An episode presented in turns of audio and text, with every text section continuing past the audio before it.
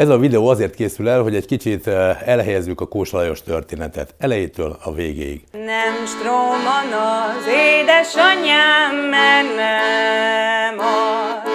2018-ban a választási kampánykor derült ki, akkor eh, lett nyilvános, hogy Kósa Lajos hát közel egy évtizede 2010 környékétől kapcsolatba került egy magát örökös nőnek eladó e, hölgyel, aki azt állította, hogy sok-sok-sok milliárd forint, vagy hát mondhatnánk eurót is, értékben örökölt, és ennek kapcsán e, Kós Lajost megvezette.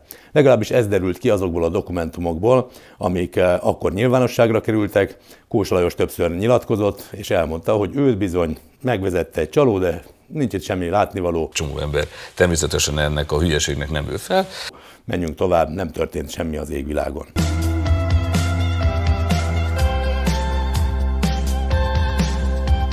Kiderült, hogy uh, Kósa Lajos éveken át hitt ennek a nőnek.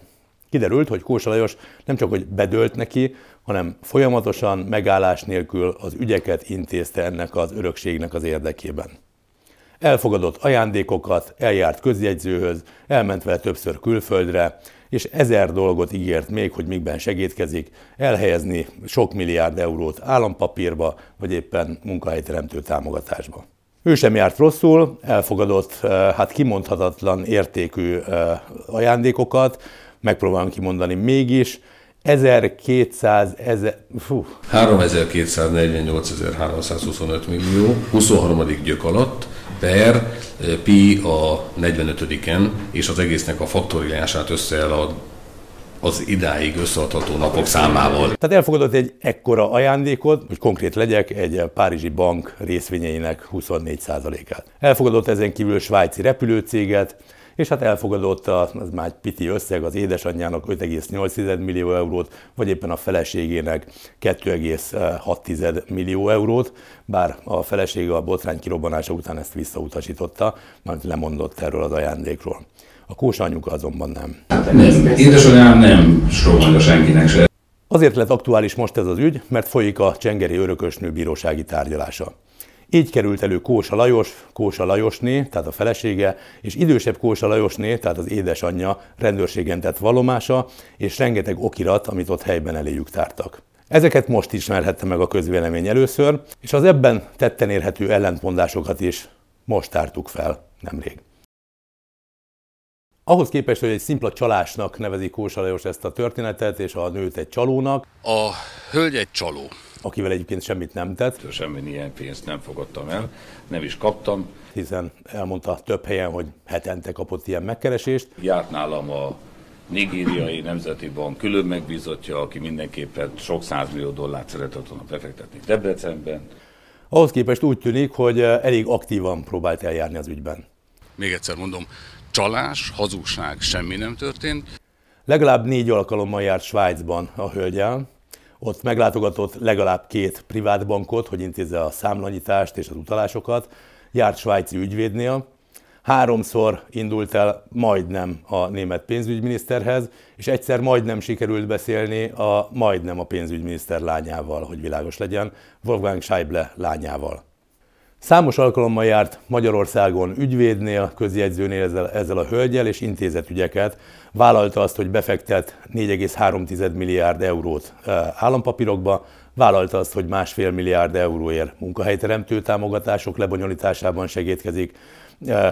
Kapott egy megbízást, nem tudjuk, hogy ezt vállalta-e, vagy csak a, a hölgy úgy Brahira kiállított egy meghatalmazást a számára, hogy a német követségről elhozzon felsorolhatatlan mennyiségű tárgyat, közte eh, arany, görög tálcákat, eh, fegyvereket, puskát, vadászpuskát, ilyeneket, egy Land Rover-t, 20 eh, millió euró cash Nem tudjuk pontosan, hogy ezeket vállalta de hogy szóba kerülhetett köztük, az valószínűsíthető, hiszen van meghatalmazás szintén okiratba foglaltan Kós Lajos nevére kiállítva, hogy ezen cselekményekre felhatalmazza a csengeri örökösnő. Kós Lajos ezen kívül még elment szintén ügyvédhez, és aláírt titoktartási nyilatkozatot. Elmondja, hogy a munkája során eh, birtokába került információkat ő senkinek soha, semmilyen körülmények között nem fogja elmondani. Lehet, hogy ez az oka annak, hogy a médiának nem nyilatkozik erről az ügyről egyáltalán. Van olyan kérdés esetleg, amire hajlandó lenne válaszolni? Valami pozitív? Nem tudjuk. Az biztos, hogy aláírta. Kósa Lajos azt mondja a rendőrségi valomásában, hogy ettől a nőtől ő semmit nem fogadott el. Semmilyen pénzt, semmilyen értéket. Ugyanezt állította néhány nyilatkozata alkalmával is. Én a hölgytől soha pénzt nem fogadtam el. Ehhez képest azt látjuk, hogy de igenis hihetetlen mennyiségű pénzt, vagy hát értéket fogadott el Kósa Lajos. Nyitottál valaha számlát 4 milliárd euró elhelyezésére? Igen, ezt lényegében hetente csinálom. Oké. Okay. Tehát te, Ke- természetesen soha, soha az életben. Volt valaha felügyeleti, kezelési jogod 4 milliárd euró fölött? Nem, soha az életben. Itt felmerül bizony egy eh, hamis tanúzás bűncselekménye. Én nem tudom, hogy ezt ő elkövette vagy nem, de azt gondolom, hogy eh, vizsgálatra érdemes. Felmerül a befolyásol üzérkedés, hiszen a felesége valomásából tudjuk, hogy legalább három alkalommal indult volna el a német pénzügyminiszterrel tárgyalni egy magánszemély érdekében, úgyhogy egyébként ő egy hivatalos személy. E, tehát egy hivatalos személyként, egy másik hivatalos személyként, egy magánember érdekében akart eljárni, legalábbis ezzel hitegette ezt az asszonyt, hogy találkozik majd, bár az utat az asszony szervezte le. Nekem csak egy kérdés, hogy ez vajon véletlenül nem egy olyan dolog-e, amit egy politikus ígér egy magánszemélynek úgy, hogy nyilvánvalóan egyébként elfogadott ezért hát elég nagy értékű ajándékokat. Cserébe? Nem tudjuk, hogy cserébe-e. Elfogadta, intézkedett. Felmerül az okirathamisítás gyanúja, hiszen Kósa Lajosné, hogy az előbb említettem, nem bírt tudomással arról, hogy ezen az okiraton, amiben az ajándékot elfogadja, rajta van az ő aláírása. Márpedig ez az okirat ettől érvényes. Egy ajándékozás közjegyző előtt ugyanis úgy jön létre, hogy a közjegyző az ajándékozóval megírja a papírt, ott igazolja, mint egy hiteles tanú, hogy az ajándékozó tényleg meg akarja ajándékozni a másikat, és ő ezt aláírja, majd kiküldi a megajándékozottnak, vagy tértivevénnyel, vagy személyesen ott helyben eh, valamilyen módon, de tudomással kell bírni a megajándékozottnak arról, hogy őt megajándékozták. Akkor jön létre az ajándékozás, hogy ő ezt nem fogadja el. Tehát ha levélben megkapta, akkor visszaír, hogy köszönöm, én ezt nem kérem, vagy bármilyen módon jelzi, hogy ő ezt nem kéri. Egyébként ráutaló magatartással, a 30 napon belül nem jelzi, hogy nem kérte, létrejön az ajándékozás. Ezért van jelentősége annak, hogy rajta van az aláírása. Így ugyanis úgy tűhet, mintha ő tudomással bírt volna el erről az ajándékozásról, és nem utasította volna el. Kósa Lajos anyukája azonban azt mondja a rendőrsége, hogy soha nem látta ezeket a papírokat, nincsen tudomásáról, hogy léteznek, nem volt tisztában a tartalmukkal. És nem az ő aláírása szerepel e, szignóként a lapok alján. Ha egy aláírás azonban szerepel, ami nagyon hasonlít az övére, akkor azt valaki odarakta. Felmerül a kérdés, hogy ez egész véletlenül nem egy okirat hamisítás hiszen egy okiraton egy azt érvénybe léptető aláírás szerepel.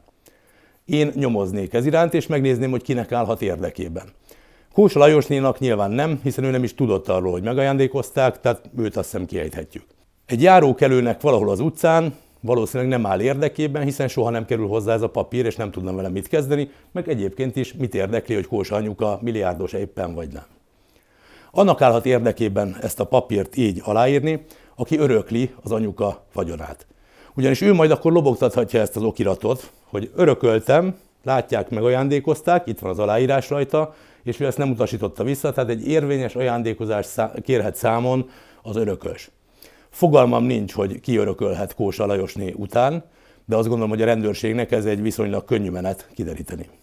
Tehát vannak kínzó kérdések, hogy akkor végül is felmerül-e az okirathamisítás, felmerül-e a hamis tanúzás, felmerül-e a befolyással való üzérkedés ezen ügy kapcsán.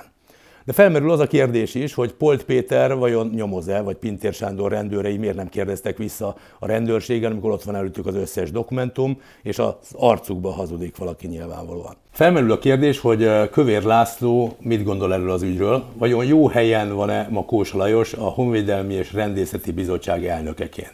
Csárdi Antal országgyűlési képviselő ezeket a kérdéseket már feltette mind Polt Péternek, mind Kövér Lászlónak, de válasz még nem érkezett rájuk. Egy előző videómból már kiderült, hogy Simon Miklós, a bizottság alelnöke tulajdonképpen egy bűnöző. Most kiderül az, hogy Kósa Lajos rendkívül hiszékeny, e, és a rendőrségen minimum nem igazat mond, miközben az országgyűlés részéről ő felügyeli a rendőrség munkáját. Felmerül az is, hogy vajon belátja-e a döntései e, következményét, és azon ügyek súlyosságát, amik elé kerülnek. Ő ma ugyanis az az ember, aki a Honvédelmi és Rendészeti Bizottság elnökeként részt vesz az operatív törzs napi ülésén. Ők hozzák meg a járványhelyzettel kapcsolatos döntéseket, amik az életünket befolyásolják. Biztos jó kezekben vannak ezek a döntések? Biztos felelős döntést hoznak ezek az emberek? Azt azért feltételezem, hogy kevés annyira ostoba ember van, mondjuk nem üt szöget a fejébe, hogy ilyen összegeknél nem lehet csak úgy utalgatni, meg számlát nyitni,